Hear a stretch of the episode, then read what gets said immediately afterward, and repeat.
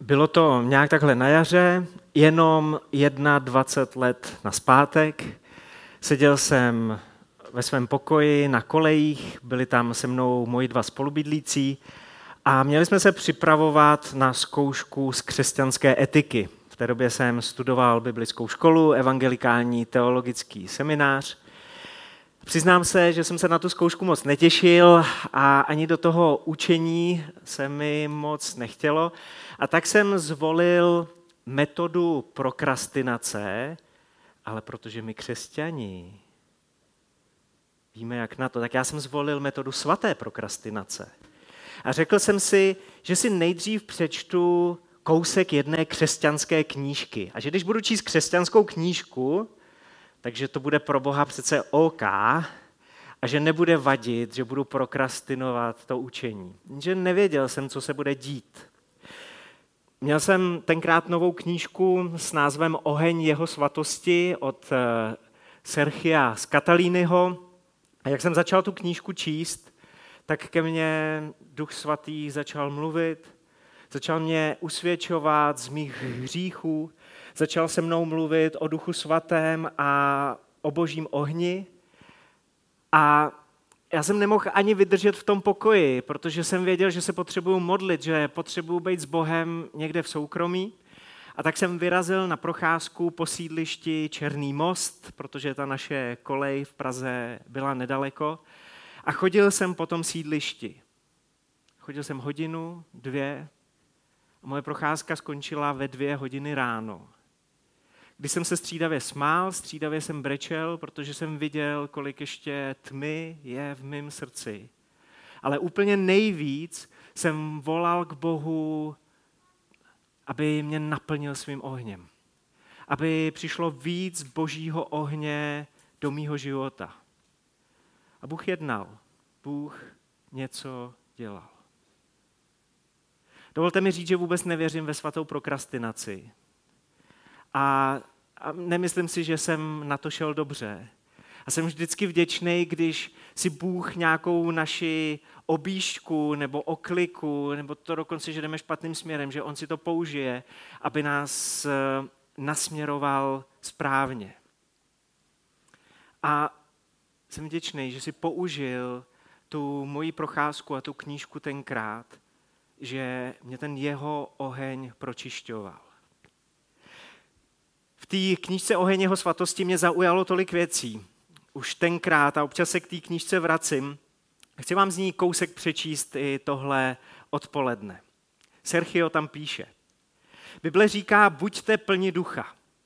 Přebývání ducha svatého u nás a naplnění duchem jsou dvě rozdílné věci.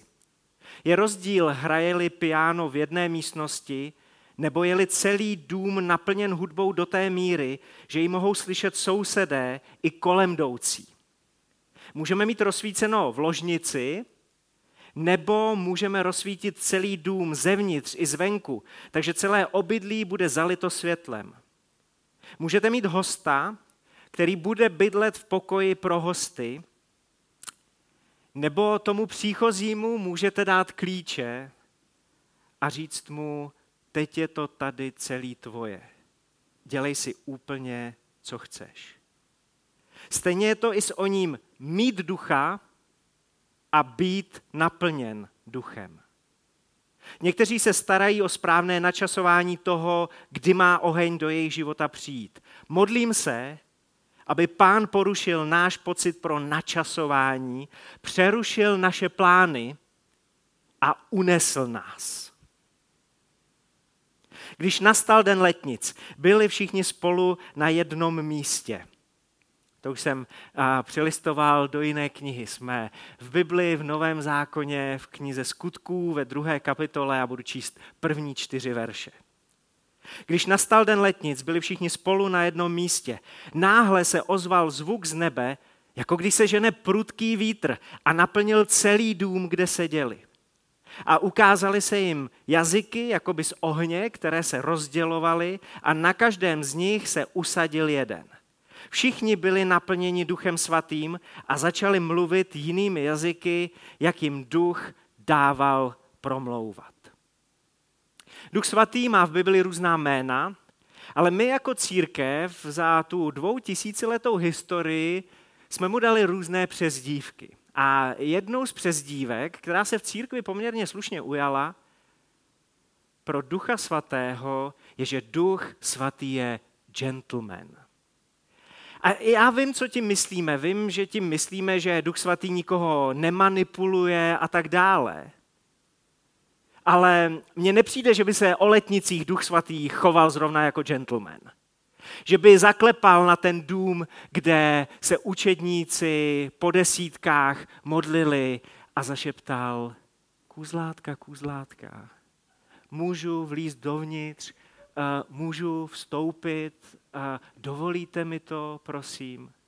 Když mluvíme o Duchu Svatém jako o gentlemanovi, někdy jako bychom ho vykazovali, Duchu Svatý se dávej v koutě, budeš-li mít štěstí, najdou tě. Prostě buď tam někde a když tě budeme potřebovat, tak na tebe zavoláme, tak na tebe houkneme nebo tak se pomodlíme. Ne, Duch Svatý je určitě v některých chvílích gentleman, ale na prvním místě je to svrchovaný Bůh se vším všudy, který má právo dělat si úplně, co chce a o letnicích to taky dělá. Četli jsme, že naplnil celý dům.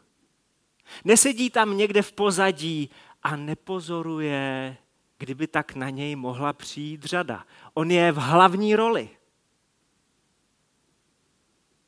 Je to někdo, kdo to tam celý chce řídit. Přichází jako někdo, kdo chce mít celé to místo pod kontrolou. Četli jsme, že přišel a ten jeho oheň se jako ohnivé jazyky rozděloval na jednotlivý lidi. A já si myslím, že tenhle detail je hodně důležitý, že Lukáš, který napsal knihu skutků, nechce, abychom se ztratili jenom v nějaký davový scéně, že tam prostě byla církev, že tam bylo spoustu lidí a tak nějak duch svatý je naplnil. Chce zdůraznit, že se to týkalo úplně každého člověka, který na tom místě byl. Duch svatý naplnil celý ten dům, na každém se usadil jeden z těch ohnivých jazyků. Všichni byli naplněni duchem svatým. Duch svatý nikoho z nich nevynechal. Duch svatý nikoho z nás nechce vynechat. A Petr to potom ještě zdůrazňuje, když začne kázat. A poštol Petr v tom svém známém kázání tak připomíná, co prorokoval prorok Joel. My to najdeme ve skutcích 2.17. V posledních dnech praví Bůh, vylí svého ducha na všechny lidi. Vaši synové i vaše dcery budou prorokovat, vaši mladíci uvidí vidění, vaši starci budou mít sny. Ten oheň přijde na všechny generace, přijde úplně na všechny. Duch svatý si chce být jistý, že si nikdo z nás nemůže dovolit to pomyšlení, já jsem moc mladý na to, abych byl naplněný duchem svatým. Neexistuje. Mladíci, budou pod mocí ducha. Nebo, což se stává v církvi častěji, já jsem moc starý na to. Abych byl naplněný duchem svatým a aby duch svatý ještě skrze mě mohl něco udělat. Ne. Úplně všichni. Duch svatý chce naplnit každého. Lukáš nelíčí scénu, jak duch svatý vstoupil do té místnosti, do té budovy a nezaměřil se na apoštola Petra. Neřekl si, můj miláček, apoštol Petr, toho naplním jako prvního. A možná se na ostatní už nedostane. Budu se držet jenom toho úzkého okruhu jedenácti plus toho jednoho, kterýho si potom ještě v takové dovolbě přidali eh, do té nejužší partičky ani Duch Svatý neudělal, Petr dneska ne. Petr třikrát zapřel Ježíše. Takže já si povanu, jak chci a Petra schválně budu vynechávat. Ať vidí, ať se v tom ještě chvíli topí, protože on třikrát zapřel Ježíše.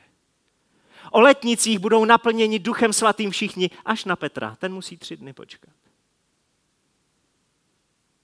Ale kolik z nás takhle přemýšlí? Pro všechny to Bůh má, pro mě určitě ne. Já jsem tenhle týden udělal tolik špatných věcí, teď se tři dny nemůžu Bohu podívat do očí. Ale on se nemůže dočkat, až budeme s ním. On se nemůže dočkat na to, až on to bude mít pod kontrolou. A že naplní úplně každého z nás. A jestli v rámci takové falešné skromnosti říkáš, ale já toho nejsem hoden, na jednu stranu máš pravdu, nejsi. Ale Duch Svatý je dar. Naplnění Duchem Svatým je dar. Není to odměna za tvoje vzorný křesťanský chování. Nakonec bez Ducha Svatého, jak se můžeš chovat svatě? Jak se můžeš chovat podle toho, jak si Bůh představuje? Je to boží dar. A já nevím, jak jste na tom vy, ale já když mám narozeniny nebo jsou Vánoce, mně se ještě za ten můj mladý život nestalo, že když mi někdo přinese dárek, tak bych se začervenal a řekl, toho nejsem hoden. Já servu papíry tak rychle, že ten člověk vůbec nestíhá a má strach, že mu urvu rukávy. Já rád dostávám dárky. Nejsem toho hoden. Ale je to dar.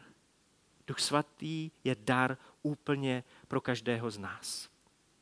Evangelista Vance Havner řekl, trpíme zvláštním druhem křesťanství, které je suché jako popel, studené jako led a šedé jako mrtvola. Nemáme nedostatek správně myslících hlav. Chybí nám planoucí srdce. Máme hořet, potřebujeme hořet. Autor dopisu Židům, Židům 12, 28 až 29 říká, buďme vděční za to, že dostáváme neotřesitelné království. A služme proto Bohu tak, jak se jemu líbí, s bázní a úctou. Vždyť náš Bůh je oheň. Vždyť náš Bůh je oheň stravující. Můj Bůh. Můj oheň. Starý zákon je předobraz věcí, takový stín těch věcí, které přišly později a které čteme potom v Novém zákoně. Ale i ve Starém zákoně se píše o ohni, který má hořet. Píše se tam o ohni, který nemá zhasnout. Třetí kniha Mojžíšova Jestli byste to řekli, že na letnice si budeme číst z nejvíce opomíjené knihy Bible, Levitikus. A ah, už víte. Levitikus, šestá kapitola, pátý až šestý verš. Oheň na oltáři bude stále hořet, neuhasne. Kněz na něm ráno co ráno zapálí dříví a připraví na něm zápalnou oběť a bude na něm obětovat tu k pokojné oběti. Oheň na oltáři bude hořet ustavičně neuhasne. Možná, jak uvidíte za chviličku, přesnější by tady bylo přeložit ne, že kněz ráno co ráno zapálí dřevo, to totiž vypadá, že přes noc ten oheň vyhasne, to se nesmělo stát. Ten oheň musel hořet stále. A že ráno jako přijde a škrtne zápalkou a zapálí to znova. Ne, Bible říká, že ten kněz přijde a každý ráno přidá nový polena. A neustále ten oheň udržuje hořící. Přidá čerstvý dřevo, přidá nový dřevo. A děje se to ráno. Tvůj den začíná ráno u oltáře, na kterým hoří boží oheň. Oheň Ducha Svatého tě zapaluje vášní pro Boha. Oheň Ducha Svatého ti dává nadšení a radost. Oheň Ducha Svatého obnovuje a přidává ti lásku k druhým lidem. Oheň Ducha Svatého ti přináší posvěcení. Oheň Ducha Svatého tě nadpřirozeně zmocňuje ke službě a k životu k boží slávě. A to není úplný seznam. Toho, co Duch Svatý, co oheň Ducha Svatého dělá v našem životě. Jenže tvoje srdce olizují i jiný plameny. Snažej se k tobě dostat cizí ohně a ohníčky. Další vášně, další touhy. Chtíče, který usilují o tvoje srdce. A my jen nevědomky a někdy i vědomky živíme. Tím, na co a kam se díváme. Tím, čemu dopřáváme sluchu. Tím, k čemu se přidáváme. Ale často, aspoň jako křesťani, se snažíme ten cizí oheň utlumit. Prostě hledáme něco, co může to, to pokušení nějak jako ubrat. Hledáme nějaký kyblíky plný ledové vody, který můžeme na ten oheň vylejt. A ono to funguje. Chvilku. Ale i tenhle žár je poměrně velký. Co potřebujeme? Potřebujeme bojovat proti ohni ohněm. Poprosím o první fotku. Krásný západ slunce. Co říkáte? My jsme si to teda původně mysleli, když jsme jako misijní tým seděli v jednom africkém kempu, když jsme v roce 2019 to bylo, 2019, když jsme byli jako 14 hlavá výprava z mozaiky v Zimbabve pomoct tam místní církvi, předat nějaký požehnání a odvíst si nějaký požehnání. A když jsme tam seděli u večeře, tak jsme si mysleli, že se díváme na nějakou romantiku, když jsme kromě té rudý záře začali taky cítit kouř, tak jsme zjistili, že ta buš kolem nás hoří. Ale to už taky kolem nás pobíhala obsluha toho kempu. A, no, pobíhala. Oni ze začátku byli dost klidní, protože to vypadalo, že ten oheň je hodně daleko od toho kempu. Ale pak jsme se do hašení toho požáru museli zapojit všichni, protože ten požár se přiblížil jenom na pár desítek metrů a potom vyloženě na hranici toho kempu. Na další fotce uvidíte, eh, jak to vypadalo kousek od nás. A my jsme nosili kýble s vodou a snažili jsme se ten eh, požár udusit. Taky jsme měli takový speciální plácačky, které byly naprosto neefektivní. Mně přišlo, že spíš eh, ten oheň ještě posilujou. Ale protože místní plácali do ohně, tak jsme plácali taky do ohně. Ale mělo to malý účinek. Ta voda měla malý účinek. Ale pak jsme začali ohněm, s ohněm bojovat, ohněm bojovat proti ohni. Poprosím poslední fotku. Tohle si Karel Ružička moc užíval. Zapaloval další část buše. Ale tenhle požár se držel v přesném koridoru. A když tam došel ten veliký požár, tak narazil na místo, kde už oheň předtím byl a, a neměl šanci, neměl co olizovat, neměl co zapálit. A stejně takhle to funguje v našem životě, když bojujeme ohněm Božího ducha proti těm ohňům pokušení, chtíčů a, a dalších vášní. Potřebujeme být zapálený pro Ježíše. Být strávený touhou po Ježíši takovým způsobem, že když přijde nějaká jiná touha, tak nemá šanci ve srovnání s tím, jak hoříš pro Krista když tě bude spalovat touha po Ježíši, tak už nemá moc šanci nic dalšího. A podobně jako v té Africe, když přijde ten oheň, ten cizí oheň k tobě, tak zjistí, ale tady už oheň byl. Tady už je Duch Svatý, tady už působil Duch Svatý. Pokušení tady neuspěješ. Ďáble, tady nemáš šanci. Bůh dává svůj oheň a my jsme strážci toho ohně. Máme ho udržovat, máme ho chránit před tím, co ho uhašuje. A taky máme na ten boží oheň přikládat. V přísloví 26.20 se mluví o přikládání do ohně, sice v jiném kontextu, ale i pro tu naši souvislost to platí. V přísloví 26.20 je napsáno, kde není dostatek dřeva, oheň uhasne. No úplně logický. Když nebudeš přidávat další čerstvý dřevo na ten boží oheň, tak nebude trvat dlouho a zbydou ti ruce plný popela.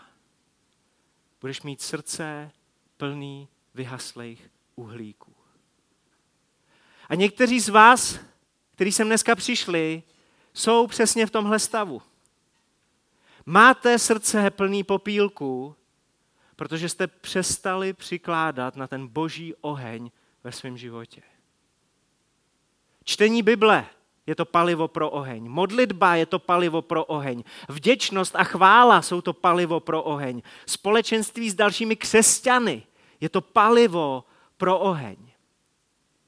Ale na oltář, na ten boží oltář, kromě dřeva patří taky oběť. Pokud nehoříš, pokud aktuálně nehoříš, netoužíš po Bohu, nezažíváš Boha jako oheň stravující, co když je to proto, že si něco držíš? Že jsou věci, které nejseš ochotnej položit před Boha na oltář. Oheň v Bibli sestupuje primárně ne na dřevo, ale na oběť. Levitikus 9, 22 až 24. Potom pozvedl Áron ruce k lidu a dal jim požehnání a sestoupil z místa, kde obětoval oběť za hřích a oběť zápalnou i pokojnou. Možíš s Áronem na to vešli do stanu setkávání. Když vyšli, dali lidu požehnání. V tom se ukázala všemu lidu hospodinova sláva. Od hospodina vyšel oheň a pozřel na oltáři zápalnou oběť i obětovaný tuk. Všechen lid to spatřil, zajásal a padli na tvář. Tady se v Bibli poprvé píše o tom, jak kněží měli obětovat. Předtím jsme četli šestou kapitolu, až v deváté kapitole se to děje. Až v deváté kapitole se stoupil ten boží oheň, ale dopředu Bůh svůj lid na to připravuje, že ten oheň přijde a že ho mají udržovat. Ale Bůh je ten, kdo ten oheň posílá. Neudělal to tak, že by po Áronovi hodil krabičku syrek a řekl, tady máš. Postarejte se o to sami. Ne, Bůh je ten oheň stravující. On přišel osobně. Áron jenom připravil přistávací plochu přesně podle božích pokynů. A když to bylo připraveno, oběť položena, srdce otevřená, Bůh přišel osobně jako oheň stravující.